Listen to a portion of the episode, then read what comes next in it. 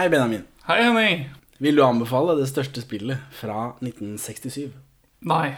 Henning, vil du anbefale det største spillet fra 1967? Nei. Perla for svin. Velkommen til Perler for svin, podkasten for deg som vurderer å bite over blåsireampullen når du ser norsk film. Vi er to middelmådige menn i 30-åra som ser norske filmperler, og i dag så har vi sett Det største spillet fra 1967. en krigsfilm. Ja. Bas basert på virkelige hendelser med gåsetegn. Oh, ja? Store gåsetegn. Store gåsetegn? Ja. St- Stemmer det ikke?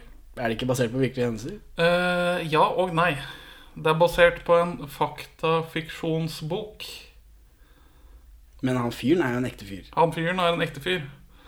Men øh, han har vært litt sånn løs i sin beskrivelse av sin rolle i dette frihetskjempernettverket i Flekkefjord-distriktet. Ja, ja Han har vel kanskje grunn til å, å, å lyve litt noen ganger. Ja, jeg har diskutert det her med en venn av meg som er sønn av en motstandsmann. Er det begrepet de bruker, ikke frihetskjemper. Det er noe andre greier, det. Vi kjempet jo for friheten, gjorde de ikke det? Jeg vet ikke. Men eh, det virker som at innad i Milorg under krigen så var det en god del folk som avtalte at vi skal ikke gå ut og fortelle våre historier sånn Vi skal fortelle det sånn samlet, ikke sånn én og én. Og da var det en del folk som brøyt det med en gang, sånn som Max Manus og sånt. Som fikk litt tyn fra disse andre litt sure Milorg-karene. Men hva han heter igjen? Han Ingvald Gunvald? Gunvald Tomstad. Tomst- Gunvald Tomstad. Tomstad. Ja. Han ble intervjuet av Per Hansson, Ja, det er han som har skrevet boka denne filmen er basert på, ja. det største spillet. Og i 2012 så var det en lang avisdebatt i Fedrelandsvennen om eh, fakta og fiksjon og hvor mye rot det blir Rundt denne filmen, eller generelt? rundt denne filmen. Ja. Spe- Og, og, Så denne filmen Noen brydde seg om denne filmen i 2012? Ja. Jøss. Men det høres ut som noe vi må ta til slutt. Kameraden! Heute vor einem Jahr führten die Engländer diese Wölfe der See in diesem Fjord ihre Schandtat aus. Men, men dette er grunnen til at vi ser denne Benjamin her, fordi jeg s- snikinnfører dette Olsenmannen-prosjektet vårt. Ja. For dette er den eneste filmen Knut Bovim regisserte som ikke var en komedie. Er dette hans første? Nei, men det er hans eneste ikke-komedie. Så da tenkte jeg den, det kan være spennende å se hvordan han regisserer andre ting. For dette er jo en Det Det produksjonsselskapet til Knut Bovim het Team Film. Det var han og to til, Knut Andersen og Mattis Mathisen. Eh, De ville, og gjorde for så vidt, eh, lager komedier til folket som de tjener penger på, og kunstfilmer som de, eh, som de vil lage selv. Her, de, her lager de også noe med kulturell verdi. Ja. Sånn som denne, da, som ikke er en, en komedie for folket. Men de har jo lagd eh, litt andre greier også. Det det blir nok en lengre innføring i Team Film og Knut Bovim når vi kommer til det ordentlige Olsenmann-prosjektet. Ja, når vi begynner å se Olsenmannen. For det er mye debatt rundt Team Film i anledning den første Olsenbanden. Når den først slippes. Da er det mye debatt i eh, avisene rundt hva er det norsk film skal være. Ja, ja, det er veldig Men jeg, jeg tenker vi tar det når vi kommer så langt, ikke nå. Dafür werden unsere Schlachtschiffe sorgen. Die Bismarck und die Scharnhorst regieren die Nordsee. Und keine Macht der Welt kann daran rütteln. Og i Team Film så ble det sånn til slutt at det var Knut Andersen som tok alle de seriøse, ordentlige filmene. Og så ble Knut Bovin sittende igjen med komediene. Og det var ikke helt Det var ikke sånn det var tenkt. Det var sånn det ble, bare. Så før, de liksom, før det ble et satt mønster, så fikk Knut Bovim lage denne filmen. Så jeg tenkte her kan vi se den for å se hvordan det står seg i forhold til Olsmannen, som jo er liksom hovedverket til Knut Bovim. Unsere Landsleute, die ihr Leben opfern mussten für diese unbegreifliche britische Terrorhandlung. Eh, bare sånn for å ta det, da. Jeg eh, er akkurat ferdig med en halsbetennelse, så hvis det er litt sånn rusk, så mm, får du bare tilgi meg. Men eh, skal vi begynne på filmen, da, eller? Ja. For den åpner på Jøssingfjord 1941. Ja, med en ganske, eh, et ganske godt oversiktsbilde av Jøssingfjord. Vet, vet, kjenner du til hvorfor Jøssingfjorden er kjent eh, for alle og enhver i dette ganske land? Nei, Benjamin, fortell meg hvorfor Jøssingfjorden er kjent for alle og enhver i dette ganske land. Det er jo pga. en hendelse i desember 1939 som gjør at uh, Norge blir dratt med i krigen. Hva skjedde? Skipet Admiral Graf Spee hadde vært på tokt i Atlanteren tidligere på året 1940. Ja, og dette er et tysk skip. Ja. Og de har vært ute og redda konvoier og senket handelsskip og sånt for å kvele England. Eh, og da utenfor Montevideo så blir Graf Spee senket. Men de har jo da senket andre britiske skip før, før dette, og da overført sine fanger til skipet Altmark. Et støtteskip, ikke et krigsskip, men et, liksom, en som support. Så noe som skjer utenfor kysten av uh, Sør-Amerika, er grunnen til at Norge blir med i andre verdenskrig. For dette eh, Altmark-skipet, det tar langveien hjem over nord for England, altså ned langs norskekysten. Og da det er veldig uklart hva krigens lover sier om å bruke nøytrale nasjoners farvann for å komme seg hjem. De blir oppdaget av noen britiske des destroyere, og så søker de tilflukt i Jøssingfjorden i Agder. Eller det er kanskje akkurat i Rogaland. Whatever. Wir gedenken ihren Stolz. Sie gaben ihr Leben für Führer, Volk. Så dette Altmark-skipet er på vei hjem til Tyskland med britiske krigsfanger. De blir stoppet av og inspisert av norske fartøy, som ikke finner ut at de har noe ulovlig last. Siden tyskerne sier 'vi har ikke noe ulovlig last', og så sier de norske sjømennene bare sånn 'eio, godt å høre'. Um, sånn, Så pju, sa de, da slapp vi den internasjonale hendelsen. Men britene de er ikke helt eh, Støtter ikke den norske analysen av hva dette Altmark-skipet driver med. Så de gir, de gir totalt beng i norsk nøytralitet. Og da blir de norske skipene De blir stående og se på at britene border Altmark med makt.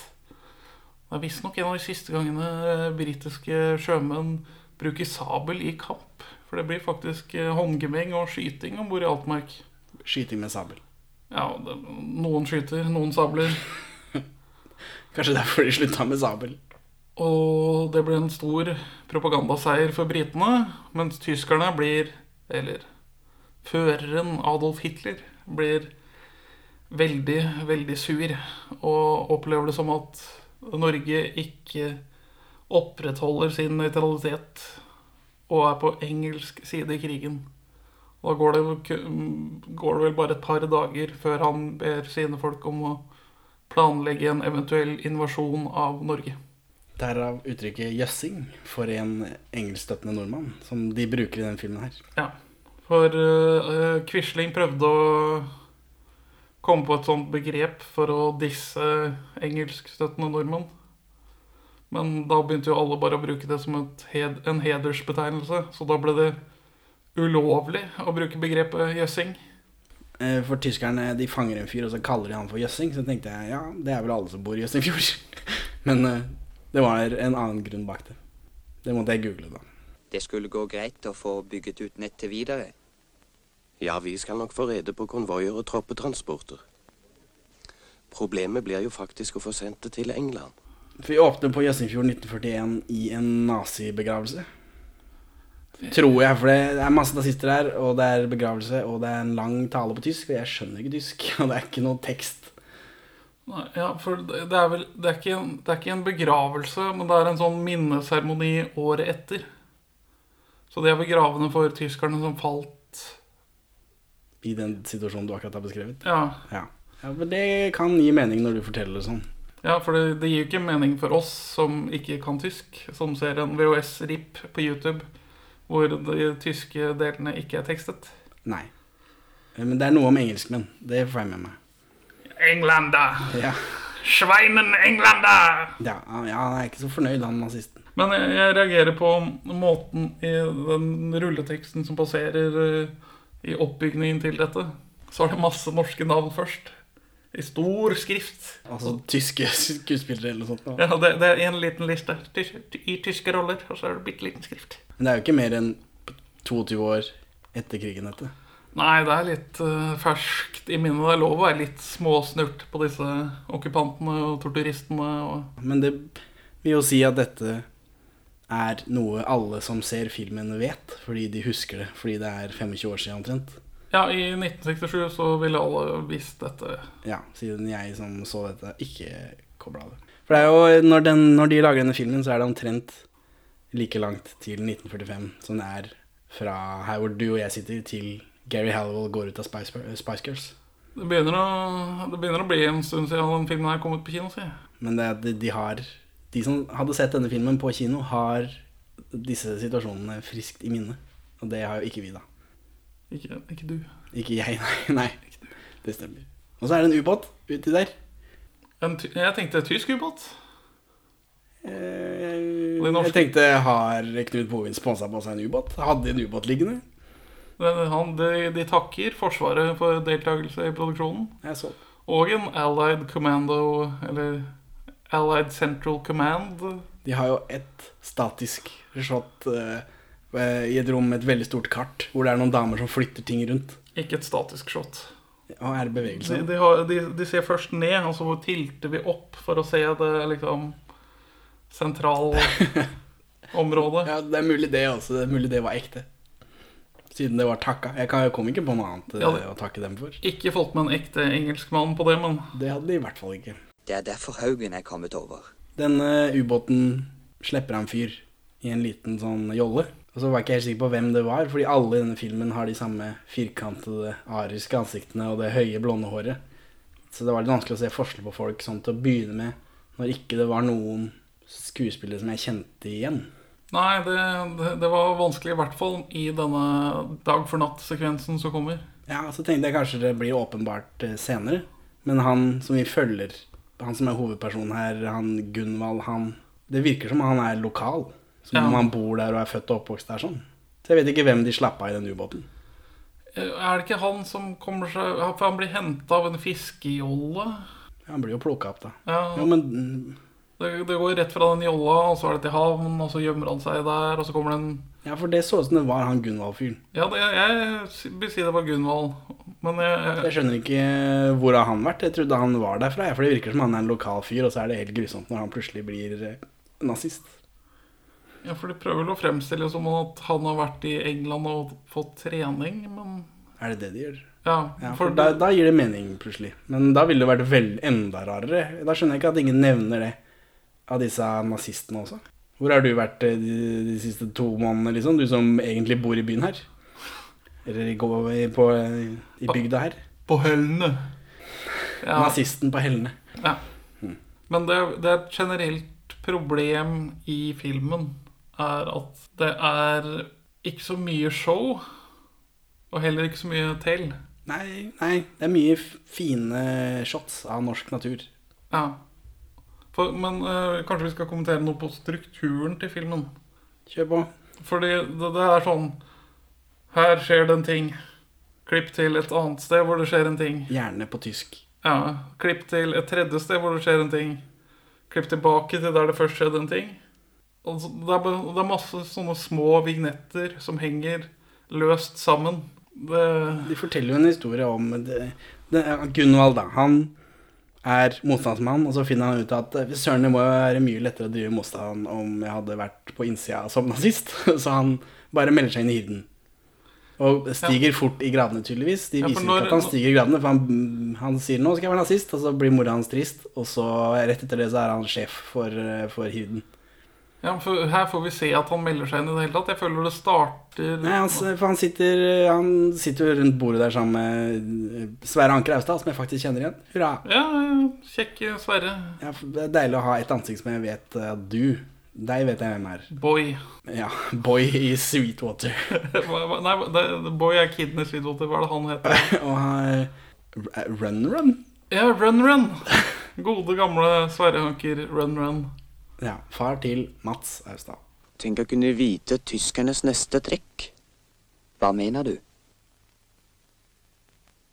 En nazist ville vel bli godt informert. Eh, jo, han eh, Gunvald han er jo på dette motstandsmøtet sammen med Sverre Anker Austdal, og så er det bare han der, vel. Og så sier han at fy søren, det må være mye lettere å være nazist eh, hvis du skal drive motstandskamp. Og neste scene, da har han full uniform. Ja. Så da Det, det steget, det tok jeg sjæl i mitt eh, sinn, at han har meldt seg inn. Uten at eh, vi fikk se akkurat det. ja, for eh, jeg følte at han For meg virka det som han allerede var med. Men Ja, nei, han kom jo, han kom jo i ubåt, ja, filmen har ikke tid til å fortelle oss hvordan det her har skjedd. Det bare har skjedd. og det var helt greit, liksom. For meg, da. Så, men det går ti minutter i filmen før vi får noe norsk dialog. Ja. Min far bor for øvrig i Flekkefjord, hvor mye av filmen utspiller seg. Ja, Sverre Anker Austdal er fra Flekkefjord. Ja, Han er en av de få med dialekt, eh, skikkelig dialekt her. Ja, ja det er mye uh, gamliser som ikke er skuespillere, som snakker med dialekt. Og så er det mye Oslo-folk Ja. som driver forretninger i Flekkefjord. ja. ja. Ja, bare, ja. Men når han Når han Gunvald kommer til eh, Flekkefjord her, så har han med seg, med seg en morsesender, forsto jeg. ja. For den er liksom viktig. Vi har et tidsskjema, Gunvald. Og det må holdes. Det hjelper ikke stort med tidsskjema hvis vi ikke har noen sender. Og skal vi beholde den, må livet gå sin vante gang her på Helle. Ja, nei, Det er vanskelig for meg å forstå hvordan dette motstandsgreiene fungerer når han nazisten skal ha denne morsesenderen på loftet og drive og sende radiosendinger. For han får jo også informasjon Det er vel tre personer kanskje som vet om at han egentlig er motstandsmann. ja, de har en uh, celle. En celle, og da er det tre motstandsfolk som vet at han er snill.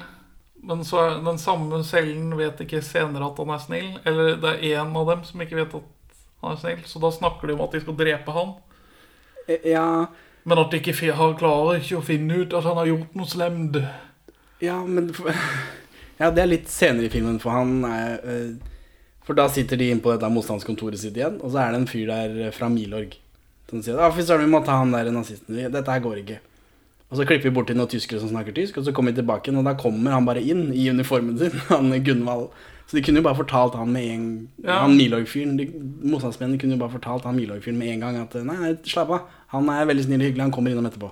Men det gjør de ikke, for de later bare som om ikke de vet eh, noe om dette. Ja, så Han som ikke vet, han trekker jo Gunder nå. Så Ja, ja, det gått kunne jo plaffa ned Gunvald. kunne gått veldig dårlig.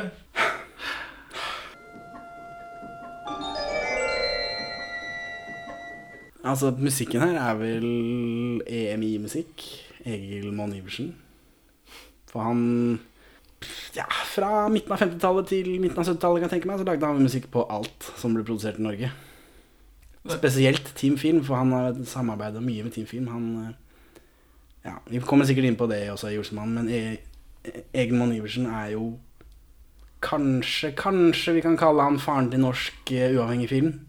Han Oi. produserte Han kasta en del penger inn i Team Film. De hadde kontor eh, sammen, nesten, vel. Og han har også produsert en del av disse Pål Bang-Hansen-filmene. Kanarifuglen og Norske byklosser og alt sånt noe. I Ja. tillegg til at han lager musikk til alt. da, For han er bare en sånn musikktype, egentlig. Eller han, han, han drev med alt mulig rart innen sånt noe. Så, men Monkeys, The Monkeys kan tro at vi har fått det gøy og hyggelig på landet. For vi har leid et hus som er en time fra vannet. Og her er gris og høner, tenk om mange store kuer. Og her er sikkert fluer. The Monkeys. Ikke The Monkeys, men The Monkeys er jo Egil Monn Iversen. da. Og hans platestudio het jo EMI før platestudio EMI. Så du kunne ikke ta han til retten og Nei. denge han helseløs. Nei. Men han solgte seg ut til slutt. Altså det, nå er det bare EMI som er EMI. Det har ikke noe med Egil Iversen å gjøre lenger, dessverre. Trist, trist. Men ja, musikken i filmen er sånn Det starter med en litt sånn klein filmmusikk som går over i en tysk marsj. Men ellers er det ganske mye god spenningsmusikk. Ja, det er egentlig. Men det er jo ikke så spennende sånn ellers. Men musikken, den prøver. Som du sier, at det skjer jo ingenting. Og, så det blir mye sånn hverdagsliv under krigen. Og det òg var sånn passe interessant, egentlig. Når ikke det var noe å se på, så var det interessant å se på det. Ja, filmen er interessant i sin altså krigshverdagsbiter. Sånn som eh, det Max Manus-greiene. Jeg får ikke noe godt inntrykk av hvordan det er å være norsk under krigen når ikke du bare driver med motstandskamp absolutt hele tiden.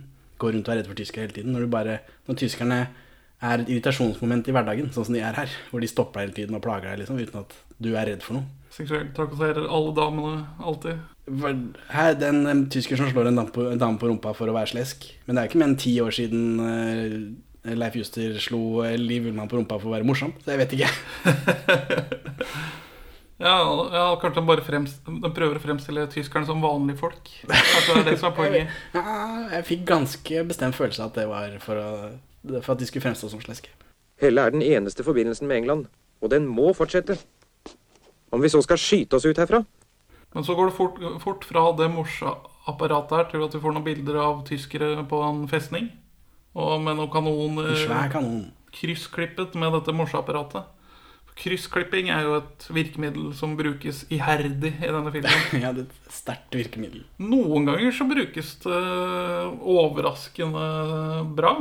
Ja, sånn som her, da, hvor han sitter og piper, og jeg ikke aner hva han piper om. Men så klipper det av gårde til den kanonen tenker aha, det er det der, ja. Ja, så Det er noen folk som passerer fiskeskøyta og tar noen bilder. Og, uh, det tyske batteristillingen på dette kystfortet, det, det, ser, det er veldig godt gjennomført. Det er gøy. Ja, det ser bra ut, tenker du på. Ja. ja for det så jeg på og tenkte mm, det er vel noe som står igjen det òg, kanskje. Ja, det, er, det, Det ser ikke ut som det er lagd av pappmasje, sånn som det pleier å være i norsk film. Det er dyrt og slitsomt. Det, det er dyrt å sprenge bort tyske festninger. Og, det det veldig, ha. og det er veldig slitsomt å pikke ut tyske festninger. Ja, ja, men det er greit å ha også, når du først har dem. Ikke? Uh, kjenner til, du til generalen Patton? Ja, han har hørt om. Han har et eh, fantastisk sitat. Nå var ikke Eh, han kjent for å være så level-headed alltid, da. Bare før det sitatet kommer. Fixed fortifications are a monument to man's stupidity. Altså, Norge brukte jo 3,5 milliarder på to kystfort som de bygde på 90-tallet. Sånn, Jeg tror det er det riktige tallet. To kystfort, 3,5 milliarder kroner. Har du lyst til å gjette hvor, hvor lenge det ene kystfortet var i operativ drift? Nei, ni måneder, da. Du må ned, Henning. Halvtime. Ja. Det er ikke kødd engang. Det ene fortet var i drift i 30 minutter før det ble nedlagt. Vedtatt nedlagt av Stortinget. Men jeg ble også trua med juling på en sånn Kystfort-Facebook-side når jeg dro frem det sitatet til Patten. Du aner ikke hva du prater om, gutt! Det er tydelig at de prøver å ringe inn senderen. Og så har vi en tur innom Statsarkivet. Kjent Gestapo-reir i Kristiansand. Hva driver de med der, da? Torturerer folk. Å, fytti rakkeren. Ja, og så får vi se Gestapo som Ja, vi har uh, funnet Vi har gefunden de uh, områden Ja, det, for det er mer sånn tyske greier foran et kart. Og da er det snakk om Stavanger og Kristiansand, og en radiosender er det jeg får med. Flekkefjord, sin tysker. For vi har klart å finne ut at uh, de er innenfor dette området. Og så peker han ut halve Agder på kartet. Så det er ikke sånn veldig nøyaktig informasjon. Nei, nei, jeg vet ikke helt hvordan man sporer denne radiosenderen deres, jeg. De viser det jo til oss med bilder. Ja. Show, don't tell, Henning. Ja, nei, jeg ser hvordan de gjør det, men det virker jo ikke så effektivt. Og den radiosenderen er Den radiosenderen er like stor som en sigaretteske. Ja. Altså en sigareske. Så den kan du bare pakke med og ta med og flytte, og så må de tyskerne begynne på nytt. Ja. Og peile. Ja, men, Men du må ha noe mer. Du må jo ha noe ledning og noe sender og noe greier. Ja, men det er det som er interessant med han Gunvald Tomstad sin historie. Er jo at det er veldig mange som ble torturert og uh, likvidert av Gestapo fordi det ble peila, og så ble det raida. Men uh, nå, har jeg, nå skal vi diskutere senere hvorvidt ø, vi kan stole helt på fortellingen den filmen er basert på. Men vanlig er jo å ha en antenne til radiosenderen din. Sende beskjed over til England. Så når tyskerne kjører rundt med fem sånne peilebiler, som har sånne morsomme sirkler på taket Ja, antenner. Antenner, men altså sånne sirkulære antenner, altså sånne veldig retningsspesifikke, som man bruker til peiling av radiosendinger. Men det, den motstandscella til Gunvald Tomstad, den brukte en nedlagt telegraflinje på fire kilometer som sin antenne. Så det, når, når du er trent til å peile etter ett sendeområde, og så får du liksom Du får et gigantisk treff. Så klarte ikke tyskerne, å- tyskerne å liksom finne ut hvor det ble sendt fra, siden det ble sendt fra et sånt enormt område. Og det viser dem i filmen. Han driver og klatrer opp i disse, denne telegraflinja for å sende. Men det ble aldri sagt i filmen at det er det de gjør. Og at det er derfor det er vanskelig for tyskerne å finne det. Nei, for de roter veldig mye rundt disse tyskerne. Det har vært noen dumminger, vi er oppe i dalen. Dumme søvnige utenfor. Altså, så nå, nå har vi noen kryssklipp mellom morse, tyskere på festning, Gestapo som krangler fordi de ikke klarer å finne hvem denne senderen Og så er det en av tyskerne som heter Lipikki. Og jeg sitter her og prøver å forstå hva de sier. Hva, hva er Lipikki? Hæ? Det, det, hvorfor er ikke Altså, var tysk så gjengs i Norge når den her kom på VS, at det ikke var noen årsak til å Det må jo ha vært tekst på. Jeg kan ikke fatte noe annet, men jeg skjønner ikke hvorfor har... ikke har- har blitt med på denne, den rippen vi har sett. Vi har jo hele 4-3-en. Det- Du kan ikke skru teksten av og på på VHS. Nei, nei jeg, vet, jeg skjønner ikke. Det, men det må jo ha vært det, liksom. Men veldig picky. Mer på dette at det, det, at ikke det skjer noe. Så eh, det er jo sånn low-key motstandskamp. Det også eh, Det var interessant å se når, når det først ikke skjedde noe. At de liksom de sender litt lapper og identifiserer noen skip og, og liksom De ordner og styrer litt. Uten at de nødvendigvis eh, eh, sprenger seg inn på kontorer og brenner opp eh, dokumenter. Ja, denne, denne er mer nøktern og lavmælt enn sammenlignet med Moderne krigsfilmer. Ja. Mer moderne norske krigsfilmer. Helt til, helt til vi kommer til slutten. Da. Der er det Ja, for, skyting. ja, for da, Men, eh, som ikke henger på greip i det nei, hele tatt. Tar det når vi kommer dit. Tar det når vi kommer dit. Og så er det disse bildene av flott uh, natur igjen. Og da får vi et kranbilde som må være tatt fra en ekte kran. Altså en skikkelig heisekran. For det er jo fra godt over høyden av det huset og bare liksom ned Du som hatet krig mer enn alle andre. Ja, og hvem er det som har fått oss inn i krigen, andre enn engelskmennene? Såpass har jeg da skjønt til slutt. Eh, mora til Gunvald i denne filmen er Else Heinberg, som er mora til Lars Mjøen. Hæ? Ja, i KLM. Nazi-yngle spiller nazimor i den filmen der. Ja. Hm. hun er ikke noe glad i å være nazimor da, i denne filmen, riktignok. Altså så Jeg vet ikke. Det har ikke noe, jeg har ikke noe å si på det, det er bare morsomt. For faren hennes var eugenist, liksom? Er det det det heter? Eugenist? Eh, Ja, men det var faren hennes eller noe det var på andre sida, det husker jeg ikke. Nei, det er et poeng. Ja, det er kanskje farfaren til Lars Mjøen som er Jeg husker ikke. En av besteforeldrene hans eh, var iallfall eugenist. eh, Eugniker. Eu- Eugenik? Eugnik, ja. Evenuk? Nei. Nei. Nei. Dette er ikke deg, Gunvald. Du lyver for meg. Eh, en av disse i dette, En av disse motstandsgubbene sier til han Gunvald at det vil helst gå bra. Ja. En Det vil helst gå bra. Som er uh, henviser til Max Manus sin bok 'Det vil helst gå godt'. eh, Det var det jeg tenkte, i hvert fall. Ja. Og, og, hvem var det som sa det til Max Manus, da? Var det ah, Gregers Gram? Det var vel kong Haakon i denne bilen. Ja. Hvis jeg husker riktig, da. Det er ikke sikkert jeg husker riktig. Det var ikke Tikken. The Tick. Ja, Nei. Tikken Manus. Kona til Max Manus. Nei. Sendingen mottatt. Og ingen reaksjon. Hva mener du? Nytten av det vi holder på med. Nå har vi sendt jevnt og trutt i måneder om konvoier og anlegg. Og hva skjer? Du begynner vel ikke å tvile? Og hva annet venter du da av en nazist? Og så får vi en give-out av en cyanidpille. Ja. En, ja, merkelig Veldig tydelig give-out. Veldig tydelig give-out. eh, Sjekk oss, cy- cyanidpille. blir spennende å se om den kommer tilbake i noe som helst viktig form. Ja, Og så får han et uh, kong Haakon sånn Berret-merke. Ja. Cyanidpille og Berret-merke. Fordi han sier at nå må dere gå av gårde, dere motstandsfolk. eh, Men det kan hende det blir eh, stoppa. Så hvis dere har et eller annet på dere, så må jeg bare få det. For han går rundt i, i hyrdeuniformen sin. Ja, Var det sånn det var? Ja. Så da fikk han det merket, da, for det hadde han på seg. Han ene. Skikkelig motstandsfrokost. En cyanidpille og et Berret-merke. ja.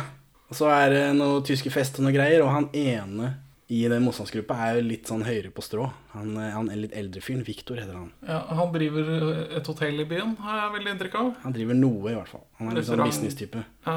Han er også på tyskerne sitt fort og driver og ser med kikkert. Han har en kikkert gjemt under en eske, og han har en, Ja, han, identif han identifiserer Bi Bismarck, tror jeg. De ser Bismarck i filmen, de ser Bismarck i boka. I virkeligheten not so much. Å nei, det, det var jo veldig For Bismarck er jo noe jeg har hørt om, så det var jo veldig trist at ikke de hadde fått til det. Nei, for det, I virkeligheten så er det svenskene som ser Bismarck, og som sier fra til den norske forsvarsattachéen i Stockholm. Som til gjengjeld sier fra til britene. Så i Federlandsvennen sommeren 2012 så krangler man veldig mye om filmen og boka.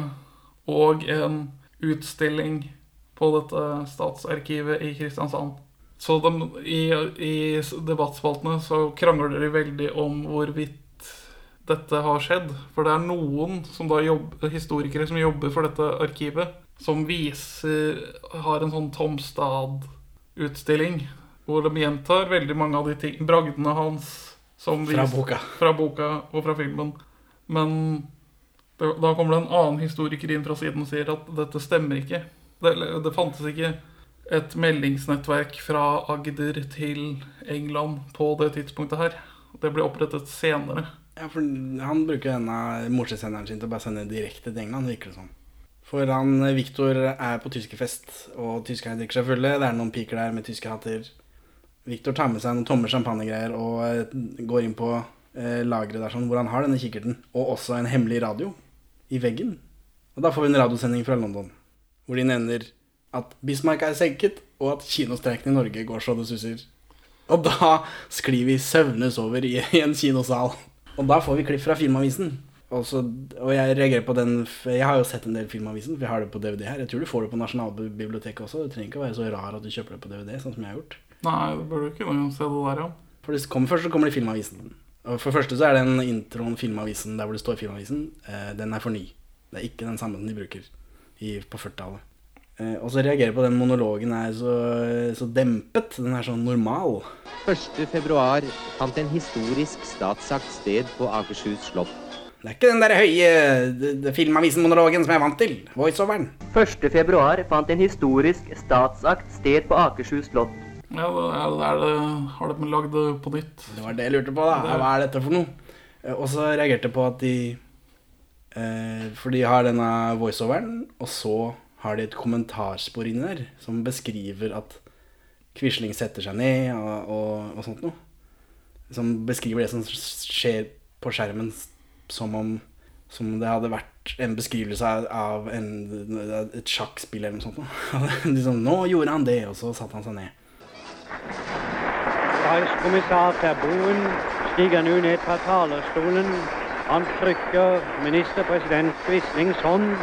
Quisling setter seg igjen. Og så har de lyd fra Quisling og, og Terboven. I det originale klippet er det voiceoveren som forteller det Quisling sier. I en mandig og sikker tale trakk han opp retningslinjene for den nye norske regjering og fremholdt at Nasjonalt Samlingsprogram er regjeringens program. Utenrikspolitisk er det regjeringens oppgave å slutte fred med Tyskland. Fordi mulighetene for et slikt nasjonalt gjennombrudd nå er lagt, er 1.2.1942 en stor dag i Norges historie. Større enn 17. mai 1814, større enn 7. juni 1905. Mens her har de Quisling sier det. I en mandig og sikker tale sa Vidkun Quisling blant annet. Derfor er denne dag, søndag den 1. februar 1942, en stor dag i Norges historie. Større enn 17. mai 1814. Større enn 7. juni 1905. Tale fra dem. Og det er det ikke i Filmavisen. Jeg tror det er den første Filmavisen, før de liksom skjønner hva de driver med. Der er det ikke noe voiceover, der har de liksom direkte tale. Så jeg sjekka, da, for jeg har det liggende her, sånn, og det, det stemmer, det er juks. De har, voiceover, de har tatt voiceover på det. Eh, Det går mye fortere. De har klippet ut en del sånn unødvendig vi går fra sted til sted, sånn som de har i Filmavisen. Mye Noe av, av den nye voiceoveren er akkurat det samme som de sier i den gamle. Men, øh, og noe er liksom piffa opp litt. Og det gjør man jo for filmen, da. Ja, ja, det er for filmen, men det er jo rart å ta inn Filmavisen Når er det eh, radioene blir inndratt igjen i Norge?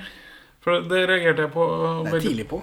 Det, eh, at han De sender over denne meldingen til eh, at de har sett Bismarck.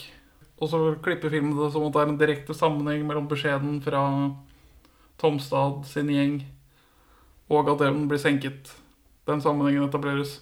Men eh, jeg gjorde et søk i Nasjonalbibliotekets avisarkiv, og det, tyskerne holdt ikke hemmelig at Bismarck ble senket. For det, altså, det, og det var sånn ærerik kamp. For altså, på, på vei ut så senker jo først Bismarck eh, eh, MS Hood, britenes stolthet. Og så kommer det et sånt biplan fra første verdenskrig. og får en fulltreffer på propellen til Bismarck. Så Bismarck blir bare sånn sirklende på vei hjem, og det går ikke så bra for dem. Men jeg synes, øh, jeg vet, fordi Bismarck er jo en del av historien øh, sånn så vidt da, som den er etablert før. Men den kinostreiken, det skjønte jeg ikke hvorfor de skulle ha med. Annet enn at de skal, at de skal da, klippe seg inn i, et, øh, i en kinosal og vise filmavisen. Men dette er er et av ankerpunktene i debatten om filmens lek med fakta. Dette er London. Det allierte hovedkvarter meddeler at det tyske slagskip Bismarck ble senket vest for Brest den 27. mai. Kinostreiken i Norge er fremdeles like effektiv, til tross for nazistenes trusler om represalier. Han kritiske historikeren sier etter min mening er omkring 50% av det som fremkommer i Hanssons bok både feilaktig og sterkt misvisende. Og han argumenterer godt for hvorfor man ikke kan basere Altså at han argumenterer godt for at det er piss, men så fikk, fant jeg et veldig rart sitat fra han i et portrettintervju samme høst. Ja, altså fra denne historikeren. Ja, den kritiske historikeren, ikke den som bare er sånn Nei, nei, nei, dette er vår motstandshelthistorie. Vi skal ikke være noe kritiske. Han gjentar igjen da jeg, på, jeg tør påstå at opp mot 50% av historien er uriktig. Vi ser dessverre samme tendensen også i andre verk. Verken filmene Max Manus, Kon-Tiki eller Into the White er 100% tro mot historien. Nei, det er jo ikke en dokumentar. Det, det, det syns jeg blir litt vanskelig Hvis det er det nivået han ønsker seg fra filmen, så Ja, 100 er litt mye, men, men, men totalt uriktigheter også blir litt vanskelig for meg. Ja, altså Men nå driver jo vi en uh, podcast om film, altså så vi er jo sånne folk som ser en film og så leser om det. Ja, det vet jeg ikke om eh, den gjengse mannen i gata gjør. Det er heller tvilsomt. Høy stjerne i partiet. Hirdleder. Pressesjef. Ideologisk leder. En god tale. Populær. Men vi har jo ikke bevis for farligere ting. Men i eh, dette Filmavisen-klippet så avslutter de med eh, Quisling som står på talestolen sin og snakker til eh, disse hirdfolkene som er eh, til stede på Akershus slott. Sånn. Han forteller om eh, at eh, den dagen i går, altså 1. februar 1942, er mye større dag enn 17. mai eh, 1814 og 5. juni 1905. Og så klipper de hardt over til Gunvald, som også står og holder en hirdtale. For han er jo sånn hirdsjef. Ok, for så det- var et effektivt virkemiddel. Ja. Klippa rett til det hos meg, ikke noe Filmavisen. Men det er statsakten på Akershus slott i 1942, 1. februar. Ja, hva var det da? Det var uh, tyskerne skulle gi makten over til NS. Så de planla det veldig lenge, men så ombestemte de seg før det skjedde. For Terboven ville egentlig hjem til Tyskland, for han lei av drittnordmenn. Men så fikk han beskjed fra Hitler om at nei, du må fortsatt bli der og bestemme. Så da hadde de statsakten like, likevel, men at det var fortsatt Terboven som bestemte alt. Så eh, Quisling og NS fikk makt, men de måtte liksom gå med lua i hånda til Terboven, og så kunne han si nei. Men så, så er du enig i at det er større enn 17. mai og 5. juni, da? Nei. Nei, Det er greit å ha debunka Quisling på den, da. Ja, for eh, NS har et sånt eh, På plakater og sånt så eh, sier de 'ned med demostyret' og 'opp med den ekte folkeviljen'. Demostyret er en sånn nedlatende betegnelse for demokrati. Som har ført Norge ut i dette uføret. Som er andre verdenskrig. Ja. Så man får mye bedre den ekte folkeviljen hvis det bare er Vidkun Quisling som bestemmer. I motsetning til dette tåpelige demokratiet. Ja ja. Det er vel plusser og minuser med begge. Det skal skje i morgen en dag. Sånn liker jeg det. Jeg melder meg. Til hva? Til østfronten, vel. Det er stort, Ragnar. Da blir du med på å skape en ny verden og gi Norge en plass. Gunvald står og holder denne hirdtalen for et ganske glissent hirdpublikum. Men etter det så kommer det en fyr opp til ham og, og, og takker han og syns at dette er så flott, og at uh, han har funnet meningen med livet i, i hirdlivet. Eller i, i denne ideologien som eh, Gunvald eh, fremmer. Og at han har meldt seg til østfronten. Jeg vil så gjerne takke deg. Nei, det er saken du skal takke. Og, og da blir Gunvald eh, litt sånn Jeg vet ikke om han Han vet vel kanskje at det ikke er så lurt å dra til, til østfronten. Ja, Det, jeg syns han spiller overraskende greit at han holder maska, men har en sånn samvittighetskval om at han har overbevist en idiot fra det distriktet. Til å ta livet av seg for tyskerne. Ja. Og der kommer det igjen den derre hvor filmen driver med sånn show don't tell, men ikke forteller og ikke shower noe til å følge opp. For der er han eldre NS-fyren i distriktet. Han reagerer på Gunvalds reaksjon på denne unge frontkjepperen. Vi får et sånt nærbilde av han som er sånn Hm, her var det noe merkelig. Eller her var det noe merkelig. Dere vet da like godt som jeg at Gunvald Tomstad kan kartlegge hver eneste nordmann her i distriktet. Men Gunvald er jo en høytstående hirdtype i lokalsamfunnet, og folk liker ikke hirden noe særlig. Alle sammen, i hvert fall. Det er ikke, ikke alle liker nazistene så godt. Nei. Og siden det er ingen som vet at han egentlig er hyggelig, så blir folk forbanna på han. Og de raserer gården hans. Ja. Totalraserer gården hans. Og dreper resten hans. Ja.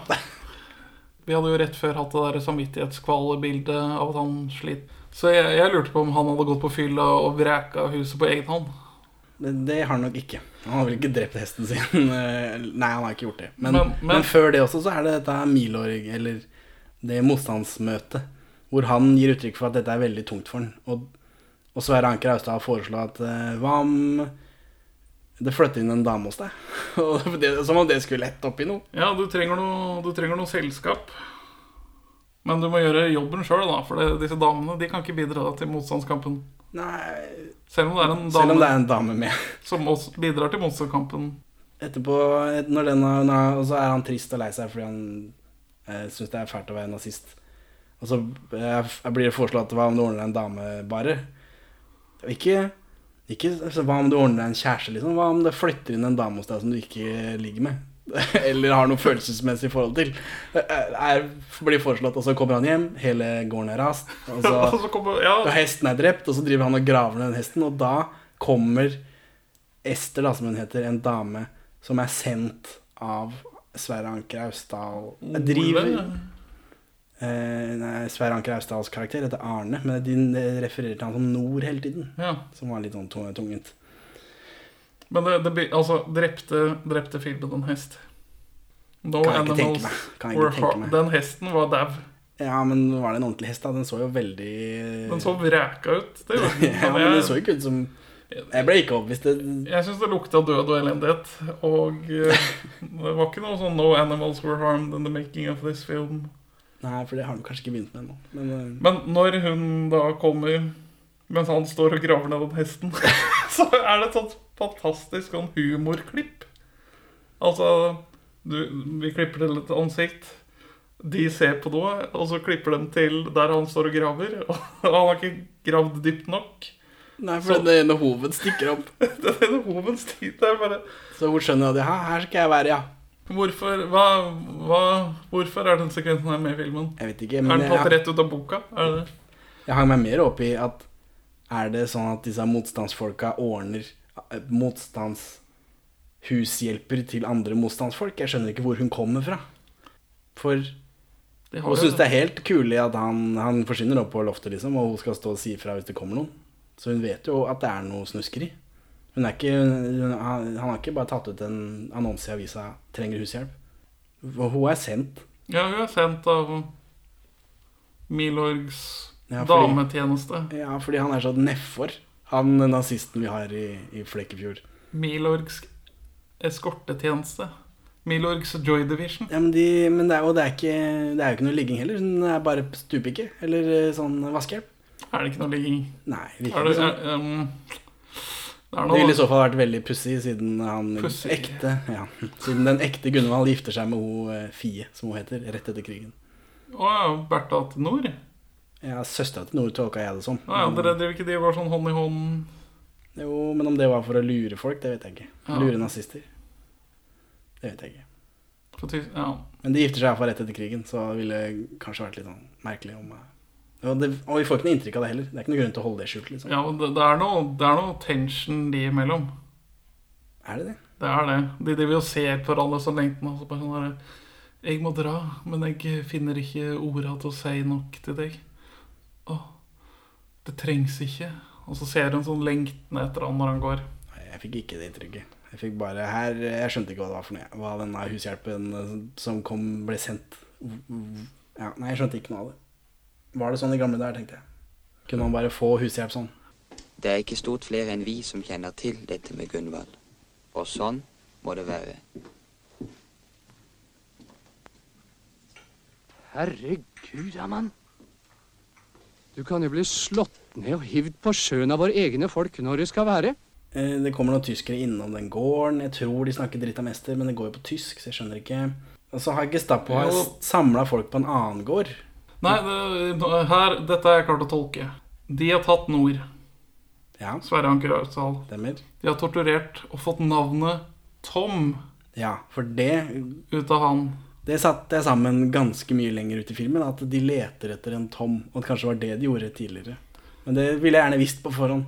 Så jeg skulle ønske jeg hadde tekst. Ja, det er en kjempemerkelig greie, for de kommer jo opp til han fordi de mistenker han. At det, eh, de har fått navnet Tomstad ut av noen. Det er Tom de leter etter. Se om de bare har fått Tom, kanskje.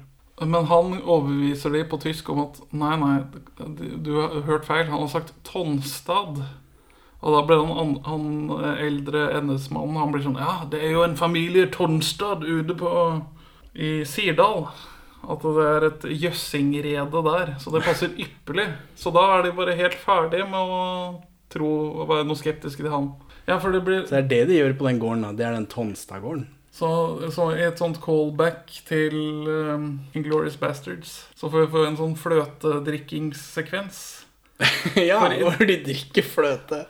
Det står en mugge med fløte i kjelleren, og så Ester går og henter den. Og det er eh, etter at tyskerne har fått sin fløte, at han begynner å snakke om at vi mistenker deg, Tom Stad.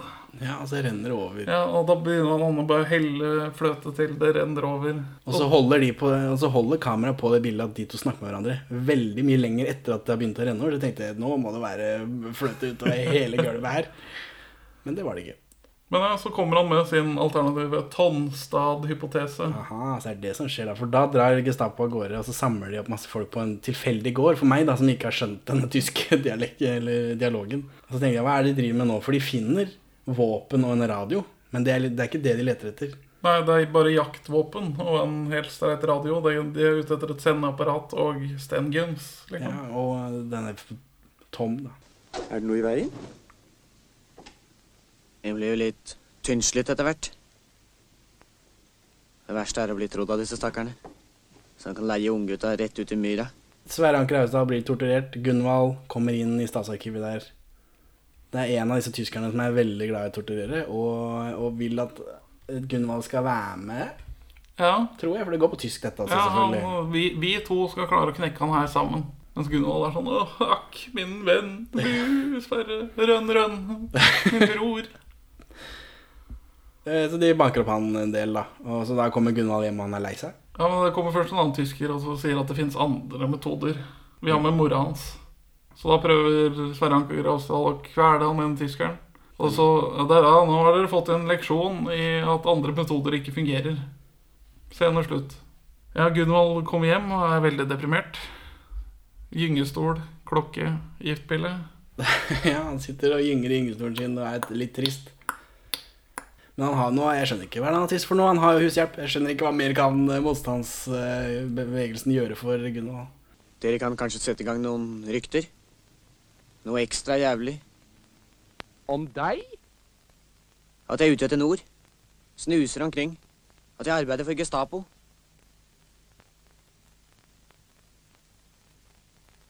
Det blir et høyt spill, det. Gunvald sier jeg går ut, helt uten grunn. Og så klatrer han opp på toppen av fjellet som er over gården. Og så sitter han der. Er det fordi han er deprimert? Hva er det han skal? Ja, men Så får vi jo beskjed fra NS-fyr. Ja, det kom en NS-fyr innom med et brev om at uh, Gunvald skal til, til østfronten. Men det vet jo ikke Gunvald når han klatrer av gårde. Jo, kanskje. Gunvald skal til østfronten. Waffen SS. Så hva, hva gjør man da, når man er opptatt av å drive motstandskamp i Norge, men har fått beskjed fra Nei, du Løsner en mutter på motorsykkelen din og Skal han kjøre av gårde? Ørn, ørn, ørn. Og så krasjer han med vilje for å slippe unna østfronten. Kommer de hjem på permisjon? spør Ester. Før du aner. Men hvorfor løsna han det, det hjulet? Vet ikke, for han kjører jo bare rett i grøfta, liksom. Ja, han- Kanskje får han noe å skylde på, jeg vet ikke. Han kjører på en sånn stein som et sånt GTA-hopp. ja. Og så blir han liggende der og er liksom helt eh, knekt. Og så er det ingen som vil gå og hjelpe ham, for han er en jævla nazist. Ja, han tok forbi meg. Nei, det er han Tomstad som ligger der borte.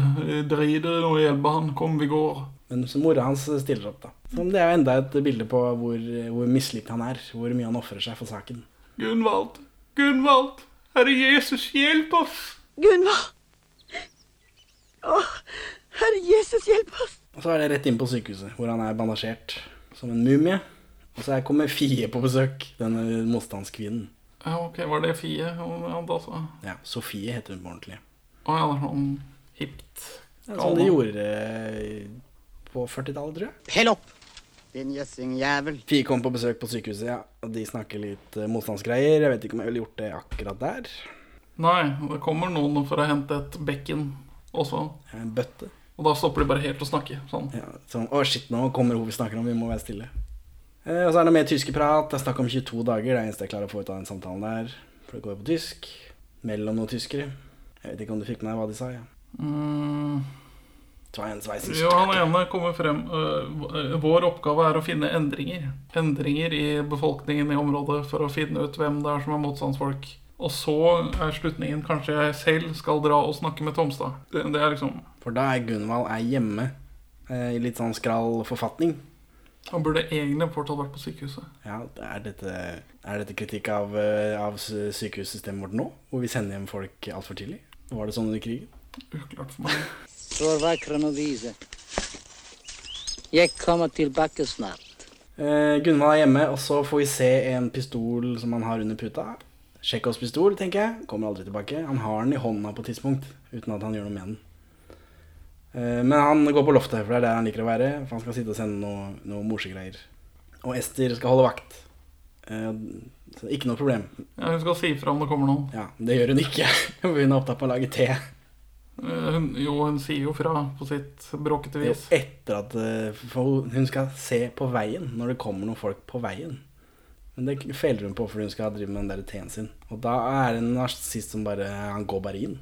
Mens Gunvald sitter oppe og morser. En sånn søt liten ty ty tyrolerhatt. Og da blir hun litt sånn stressa, så hun skal lage ordne med noe kaffe og noe greier. vel Hvis ikke det er mer fløte. Det husker jeg ikke. Jo, hun sier at du skal sette på kaffe. Så kommer han snart. Han er litt, han er litt krank, vet du. Men hun er jo tryner og begynner å gråte. ja, for, for hun må jo si fra til han som sitter oppe. Han sitter bare og morser, morser i vei. ja, koser seg. En annen uriktighet i boka og i filmen er jo at eh, Gunvald Tomstad ikke kunne telegrafere. Så han har aldri benyttet et slikt apparat.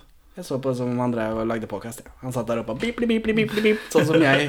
På samme måte som jeg vil spille, podcast, eh, spille inn podkast hele dagen, så vil han sitte der oppe og morse hele dagen. Apparatet var hjemme hos han, men han var ikke telegrafist. Så, men Ester samler sammen en masse kopper og kar, og så tryner hun over dørskammeren eh, og lager masse bråk. Så Gunvald skjønner at nå er et eller annet på ferde. Han slipper å få en luger i bakhudet der han sitter og morser i vei. Ja. Og griner helt, eh, helt ordentlig forferdelig grining. Norsk filmgrining. Eh, og da er jo Gunvald nede, og så snakker han sammen med tyskeren på tysk. Så det skjønte jeg ikke noe av. Jeg vet ikke om du har noe? Ja, altså Gunvald er tydelig stressa. Hendene hans driver og rister, så han driver og holder den ene hånda. Sånn tyskeren driver og sier sånn eh, De frykter en invasjon i vest, i Norge spesielt. Det er derfor, det er derfor du er redd, Gunvald. Jeg skjønner det. Og så har han en lang tale om at folk i NS enten er idioter eller hyklere. Hva er du, Gunvald? Eh, Ich eh, ser på mich selv auf ein idealist Idealisten. For Gunvald tolker det som at Eller ja, han tyskerne også sier at han At enhver smart strateg er, passer på å ha oversikt over alle retrettslinjer. Så spør han deg, du Gunvald, som jeg tror er motstandsmann, kan du opprette en kontakt for meg til den andre siden? Og da blir Gunvald veldig fornærmet for at han setter opp en felle for Gunvald. At dette er helt klart bare at du prøver å lokke meg. Jeg, men jeg er ikke er verken idiot eller hykler. Jeg er en idealist i den nasjonalsosialistiske kampen. Altså, Hvordan kan du snakke om dette her? Vi alle Vi venter alle på Endsigen, som er nærmere og kommer fortere enn man skulle tro. Men han nazisten virker jo veldig sånn furt. Det virker som han egentlig har vært ute etter å faktisk finne en vei ut for seg sjøl. For han blir sånn Her var du. Blir deppa. Han blir litt deppa. Og så snakker Gunvald nå at jeg oppførte meg som en kvinne eh, siden jeg var syk og ubrukelig for Waffen-SS. Jeg kunne dratt til østfronten og vunnet kampen på egen hånd, men jeg var krank som en kvinne og en untermenschen. Men nå må jeg være her i dette elendige landskapet. Ja, for tyskeren snakker også noe om at ja, du bare koser deg her oppe på gården. Du vil ikke til østfronten. Ja, det er masse Esther, hva machst du? Nun hör schon auf zu weinen, Esther. Og så er det noe kryssklipping til noe humorgreier. Glade jul Ja, eller det er jul i torturkammeret, da. Det, så, for de driver og torturerer noen folk, og det her, de leter etter Tom. Og da begynner jeg å stable ting på det sammen, at kanskje det er Gunvalds kodenavn eller sånt noe. Og så er det jul i torturkammeret der. Tom er et veldig dårlig dekknavn for noen som heter Tomstad. Ja, men nå sier du til meg at det er fordi de har fått ut navnet Tomstad. Eller at det har noe med det å gjøre. Ja. At ikke det var planlagt at det skulle være kodenavnet hans. Men jeg tenkte kanskje det hadde noe med det å gjøre. Og det hadde det jo. Så Men det blir sånn humorsjokk-kontrast som ikke fungerer. Altså, det blir humor. Fordi det er sånn barn som synger 'Glade jul', klipp til fyr som denger motstandsmann. Ja. Klipp tilbake til jul. Hvor er Tom? Hvor er Tom? Og så er vi nede i dette torturkammeret, og så driver han eh, slemme tyskeren der sånn, og så kommer det en dametysker med masse julepynt og julekogel. Og, så jeg vet ikke, Det er vel meninga å skape en slags kontrast for at det skal bli enda Eller for hvor trivielt dette er for tyskere, kanskje. Men eh, jeg vet ikke helt om det funka. Nei. Men vi får et gøy klipp til den julefesten da, hvor Gunvald skal ta bilde av NS-folka. Ja. Og så er det to NS-karer som er sånn 'Jeg blir så stygg på bildet, så jeg tar, jeg tar bare og går, jeg'. Nei, nei, nei, dette kommer igjen, bli med på bildet. Dette, dette blir historisk. Ja. ja, for det Morfaren min var sånn som aldri ville være med på bildet, så han, jeg kjente meg igjen i han fyren. Men, men filmen prøvde å fortelle oss at disse her ville ikke være på NS-bilder. Sånn siden det går ikke så veldig bra i krigen på det tidspunktet her for tyskerne. Da får vi bruk av kryssklipperverktøyet, som fungerer veldig godt. For idet han tar bildet, så klipper vi direkte til fremkallingen i mørkerommet. Ja, dette, vil- dette vil komme godt med den dagen de ikke vil huske noe særlig. Sie sind kein Idiot. Und Sie sind auch kein Heuchler? Was zum Teufel sind Sie dann, Tomstad? Ich halte mich for einen ehrlichen idealisten. Men i løpet av denne Når det er jul i torturkammeret, sånn, så får Gunvald vite at de leter etter Viktor. Det foregår på tysk. Jeg hører Viktor. Det kan, det kan godt være. Ja. Så da må Gunvald smugle Viktor av gårde. For han er jo den Det er en av de to som vet hvem han er. Eller en av de tre. Og for det er han eh, litt eldre fyren som spotter Bismarck. Så da skal de smugle Da må han smugle han av gårde, og det gjør han på, ved en, i en fangetransport. Ja, for han har også fått beskjed om at han skal frakte en fange fra Flekkefjord til Kristiansand. Så denne fangen sitter da i passasjersetet mens Gunvald eh, smugler Viktor i bagasjerommet. Ja, og så får vi en sånn merkelig greie hvor de blir stoppa av eh, en, en vaktpost. Og så er det spenningsmusikk. Det skal være spennende, men Han sier bare 'Jeg er Hirtype. Hei, hei'. Hei, hei, sier tyskeren, og så kjører de. det, er en fyr som går som om han skal gå bak Hva er det da baki her? Men det skjer ikke. Ikke noe grunn til å mistenke han. Han er jo eh, kong, kong Hird-medlem. Sjef i Hirden. musikken sier at det skal være spennende, men klipp og manus velger å ikke gjøre det spennende. Og så får de for Han kjører av gårde, og så stopper han midt ute på ingen steder. Og her er det masse snø og greier. I denne, disse siste sekvensene så er det snø eh, som kommer og går litt. Ja. Men her er det masse snø. Og det blir aldri, praktisk talt aldri snø nede i Flekkefjord sentrum. Det er sånn snø hvert tiende år, typ. Og dann haben wir Kugeln und Lametta und Girlanden fast wie zu Hause. Og der er det noen skifolk som skal møte og hente Viktor. Ja, det er, men det er noen folk i, med sånn uh, hvite overtrekkstester som vi hadde i militæret, så det er vel noen militærfolk, antar jeg. Som, eller noe sånt noe. Noen som, det er noen motstandsfolk. Det er- det er det. For de skal vel ha med han til England, da, antar jeg, for det er vel kortere enn til Sverige. Fra Flekkefjord. Ikke kortere kanskje, men enklere. Ja, jeg, ja, jeg skjønte Jeg var sånn her Fordi skal... de, Gunvald også skal av gårde senere, og da skal han smugles om bord i en sjark eller noe sånt. Ja, ja, Viktor sier at han skal til Sverige, og det er sånn det, det, det, På ski fra Flekkefjord. Ja, det er en lang og vond og ekstremt risikabel tur. Mens å slenge deg på fiskeskøyta til Shetlands-Larsen har ganske høy suksessrate. Så det syns jeg virker som en dårlig plan. Men han parkerer i hvert fall, og så går Gunvald ned i bekken for han skal hente vann. Det er det påskuddet han bruker for å parkere. Og så går han liksom på tærne bort til den bilen, fordi han fangefyren vet ikke om dette. Han sitter der bare og glaner rett fram. Så han, han sniker seg bort til bilen sin, og så sakte, men sikkert så løfter han opp bagasjerommet, og han Viktor-fyren Hvordan man krabber ut av bagasjerommet i en, i en boble uten at den beveger seg. En så stor mann som Viktor skjønner jeg ikke, men han sniker seg ut, og så lokker de igjen sakte, sikkert. Altså den jævlige tullingen der oppe som ikke begriper at han kan stikke av. Jeg tør ikke å si noe heller, da kommer han bare til å plapre og ødelegge det hele. Det er ikke en boble for øvrig. Hva var det, da? Bobla kommer først etter krigen. Eller det kommer en slags boble under krigen, men den er bare brukt i militærbruk, og det var ikke en sånn en. Ah, nei. Nei, så, det minte meg om et uh, boblebagasjerom. Jeg så ikke åssen bil det var. Ja, den har litt sånn boble-ish form. Men, men Uansett, så sniker de han ut uh, med listing. Sånn barne-TV-listing. Ja, Og Gunvald er furt, furter til Viktor om at han idioten jeg frakter, han Ja, han vil ikke rømme, han sitter bare der. Han vil ikke løpe ut i snøen her. Så han dør vel, han da, sikkert. Ja, han- Blir torturert til døde, Kommer sikkert. Gunvald tilbake til bilen og sier det, det kommer en dag, Gunvald Tomstad. Det kommer en dag. Det kommer en dag, Gunvald Tomstad. Det kommer en dag. Så klipp til kommandoer som kommer og tar over en brygge. Bevare meg vel, jeg trodde aldri jeg skulle høre hands up på min egen brygge. Ja, for vi klipper til. Det er tre stykker som sitter i en båt og snakker om at de må fiske lik for tyskerne. Men de har såpass tjukk dialekt at ikke du fikk det med deg. Og så ror de bare inn, og der er det masse folk, eh, soldater, da, i sånn militærgreier med hands up. Altså, ja, jeg vet ikke.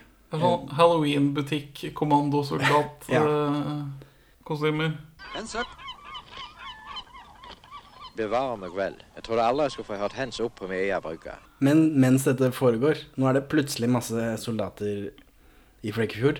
Mens det foregår, så skal Gunvald også rømme, for nå Gestapo driver og rydder masse motstandsfolk, så vidt vi har forstått.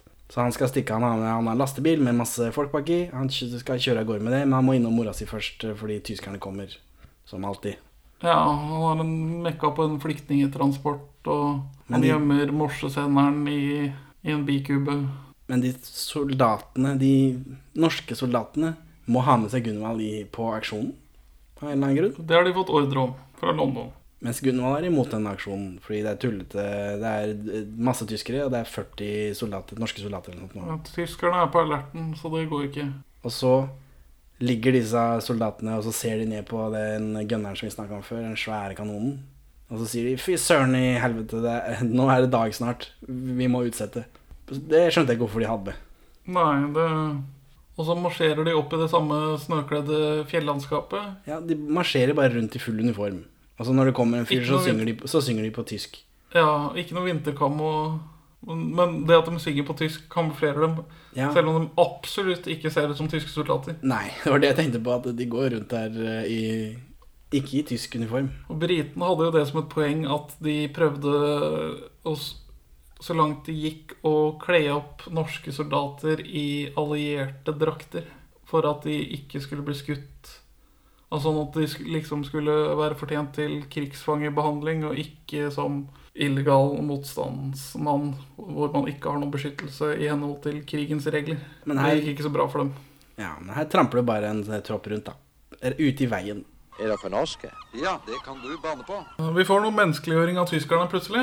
Ja, for det er noe mer på tysk som ikke jeg Ja, deine Familie aus Deutschland geringen Ja, ja, ja, ja fordi det er da Det der mora til en tysker ringer til Flekkefjord. Ja. Det høres dyrt ut på 40-tallet. Nei, jeg tror eh, man fikk det Og det er på men- kvelden nå. Det er etter klokka, etter klokka fem. Det er billigere, da. Etter arbeidstid. Ja, men eh, altså det tyske telenettet var eh, ekstremt robust. Gjennom Sverige, da? Eller gjennom nøytrale Sverige? Gjennom radio, gjennom ledning. Under beleiringen av Stalingrad, hvor de var totalt avskåret, så kunne, de, kunne man prate med telefon hjem til Tyskland via 24 linjer parallelt samtidig. Som er, altså Telekommunikasjon var mye mer avansert under krigen enn man fort ser for seg. Da, er poenget mitt. De hadde jo, de hadde jo chatrom og sånt til bruk på konferanser. Zoom. Ja, basically. Ja, tekst, da. Men det er sånn det, MSN. det sitter to, stykk, eh, to separate møter, og begge har hver sin skrivemaskin som sitter og printer kontinuerlig hva de andre skriver. Jeg har en ordre, Gunvald. Og det er å få deg med. Vi trenger deg til aksjonen. Men så er det aksjon. Og da de, de eh, norske soldatene De synkroniserer klokkene sine, ak akkurat som morsmannen. Heyo. Heyo. Aksjon starter 05.30, sier han. Nå er, det, nå er det action i norsk film anno 1967. Ja, nå, nå er det action. For disse eng de norske soldatene skal snike seg innpå denne svære kanonen med kniv. Han skal stikke ned disse soldatene, for de skal under ly av mørket. Eh, Men så ligger det masse tyskere som vet at de kommer.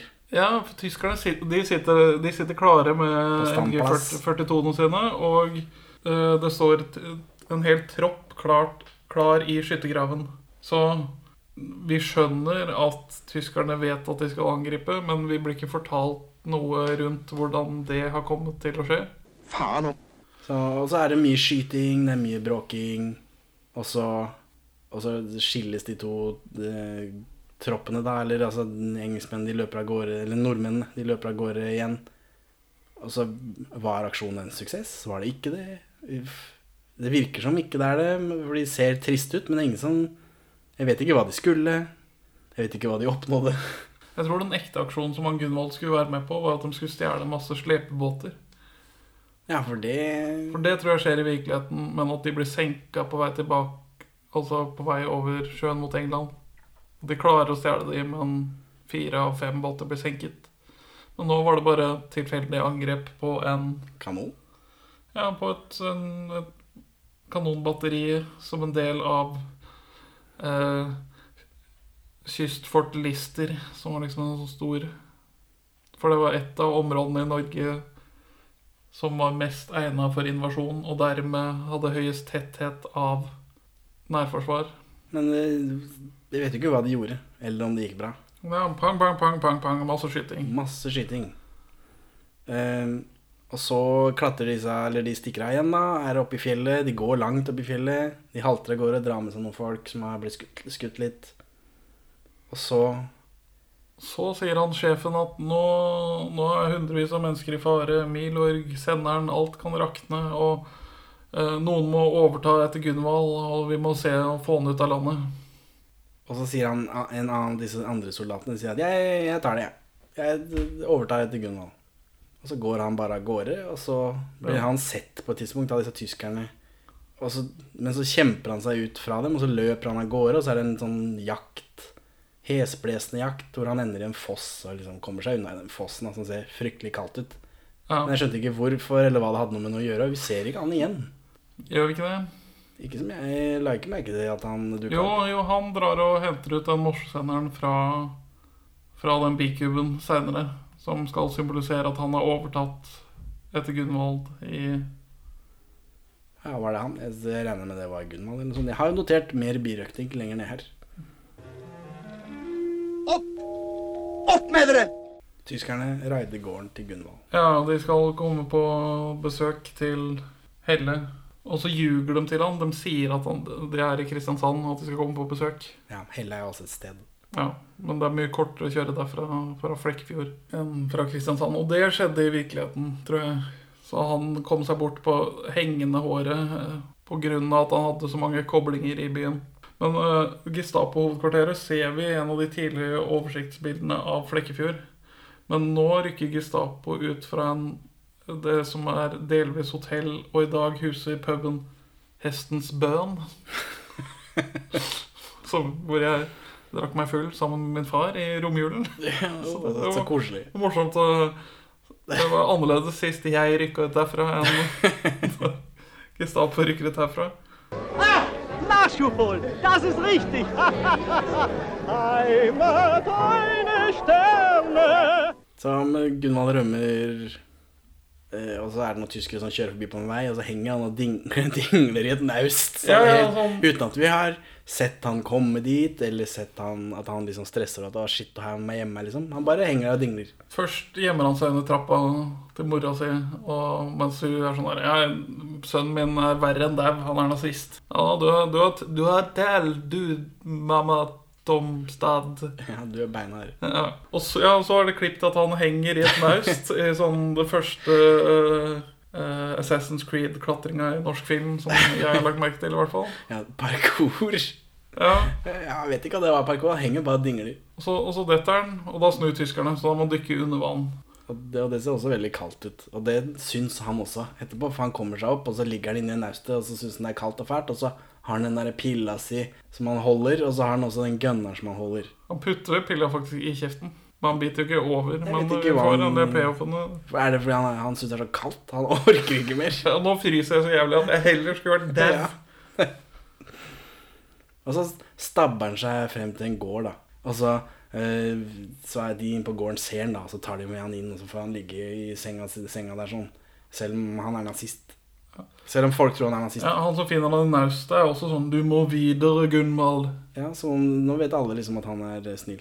Eh, Men, filmen har vel veldig lyst til å være ni liv på det tidspunktet her. Både i den fossrømmesekvensen og denne naustklatre spenningstoppen. Ja, jeg vet ikke om kanskje det er kommet ut til folk at han har vært med disse engelskmennene. Eller altså nordmennene fra England. Kanskje det. Så folk liksom har snudd det på flisa. Men så ligger han i den senga og, og har noen, eh, noen torturmareritt. Ja. Og så smash cut! Ferdig. Da er vi ferdig med den eh, sekvensen. Nå er han frisk. Alt er bra. Eh, og så er det sommer, selv om det var jul for en sene siden. For nå skal Gunvald skal seg av gårde til eh, Amerika, eller til England, regner jeg med. Ja, nå er vi tilbake i Jøssingfjorden, hvor det hele startet. Men har han ligget i den senga helt fram til sommeren? Ja, vi får anta det. Han blir lett krank, han Gunvald. Og så, så går han om bord i en sjark eller hva det er for noe. Jeg kan ikke noen båter. Og så kjører han ut i fjorden der sånn, og så panorerer kameraet over fjellene mens morslyden starter opp. Pip, pip, pip. Ja, for rett før det her så har vi det klippet av han som rømte i fossen, som henter frem det morseapparatet. Så Gunvald har fått det som han vil. Han har liksom gitt sin stilling videre.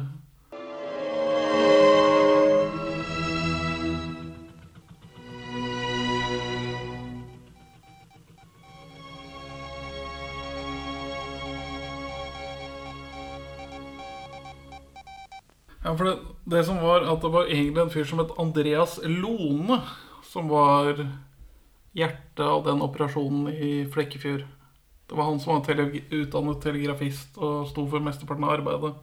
Men han ble litt ødelagt av krigen, og likte derfor ikke å snakke om det. Men Tomstad begynner allerede i 1946 å fortelle at han var leder i en celle. Ja, nå har han litt å reparere, da, av av ryktet. Ja, det er sant. Så altså, Men altså er det lett å smøre på litt for venner, da. Ja, Andreas Lone han får aldri noen heder for sin førsteklasses motstandsinnsats før han døde. Han bare ville ikke snakke om det. For det var jo en del av disse motstandskarene som var bare sånn Jeg gjorde min plikt. Det var helt jævlig. Nå vil jeg aldri tenke på det igjen. Og ja, så 10. mars 1946 titulerer Tomstad seg som sjef for en norsk-engelsk spionasjegruppe. Cheese. Cheese? Cheese-gruppen. i- Ostgruppa? Ja. Nice. Det er den gruppa skulle jeg vært med i. Så han prøver å overta Starheims lederrolle i Cheese-operasjonen. Sitat. Forklaring på at slike ting oppstod, var muligens at Tomstad etter krigen i stadig større grad fortsette, av, fortsette å leve i krigstiden. En av Tom, Tomstads nærmeste medarbeidere og instruktører har uttrykt det slik. Også sitat inne, i sitatet. Krigens begivenheter gjenskapte han i sin fantasiverden slik han ønsket seg at det skulle vært, alltid med seg selv i hovedrollen og med stadig flere fantastiske og spennende innslag. Sånn blir det god film, Ja. Så andre motstandsfolk er ute og sier at uh, dette er feil. Han forfatteren oppsøker han Andreas Lone, han som var den egentlige telegrafisten i Cheese-gruppa. Eh, Lone ender opp med å bli dritsur. Han kunne ikke akseptere manuskriptets mange fravikelser fra virkeligheten. Men Lone forble taus om uenigheten da boken kom ut, for å unngå en opprivende debatt i det sørlandske motstandsmiljøet. Så det var litt sånn Det var vanskelig å gå ut og disse en som faktisk har vært med for å blåse opp sin egen rolle i, i det, da. Så det du sier at denne filmen ikke er 100 realistisk, det er ikke en dokumentar? Dette er under 50% i hvert fall. Ja. Men eh, nå har vi i Perle for svin endelig fått oppklart dette for folk flest. Så nå trenger ikke de å lure på det. Ja, dette er jo en opplysningspodkast, først og fremst. Ja, ja. først og fremst. Så når folk eh, ser det siste spillet nå, fra nå av, når folk ser det siste spillet, som, de, som folk gjør, regner jeg med Ja, vi ga jo også helt tydelige anbefalinger om at man burde se den filmen her når vi startet podcasten. Nei, det var vel det motsatte, var det ikke det, Benjamin? Hvorfor ville ikke du, ville ikke du anbefale denne filmen? Eh, fordi den er forferdelig kjedelig å se på.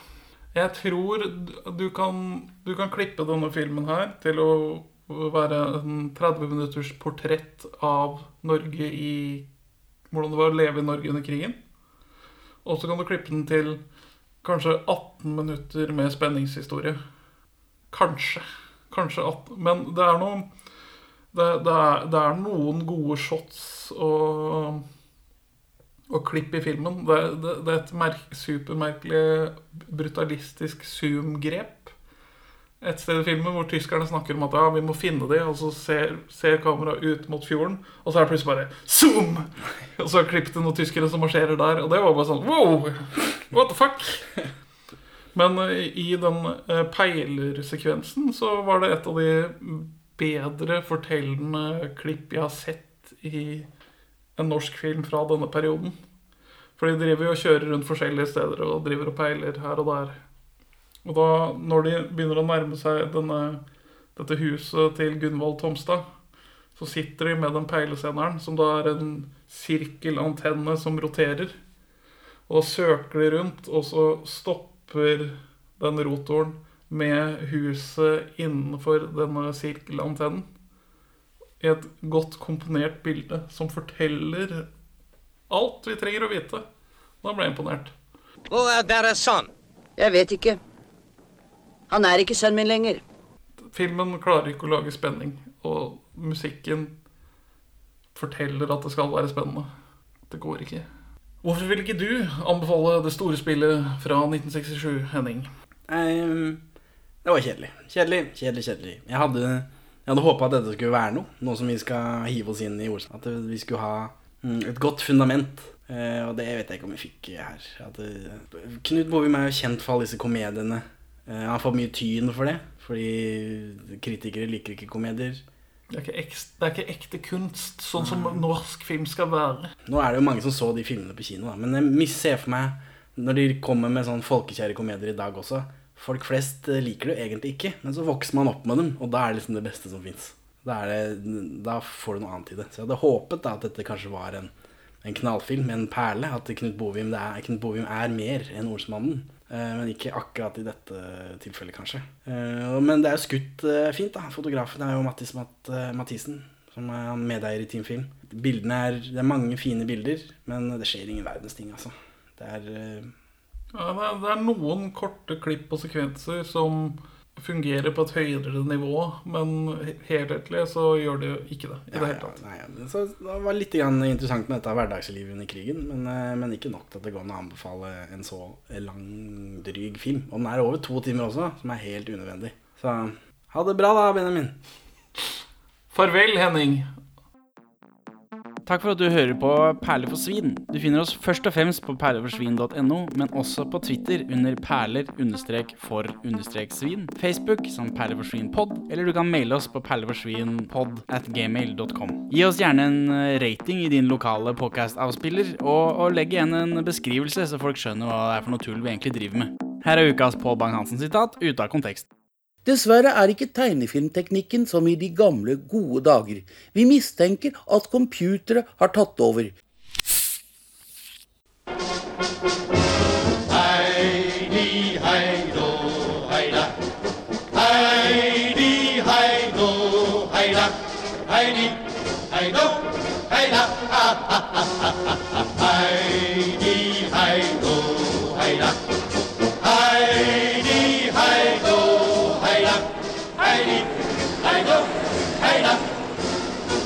Hun ville ha bajonetten hans i bløtvevet sitt, for å si det sånn.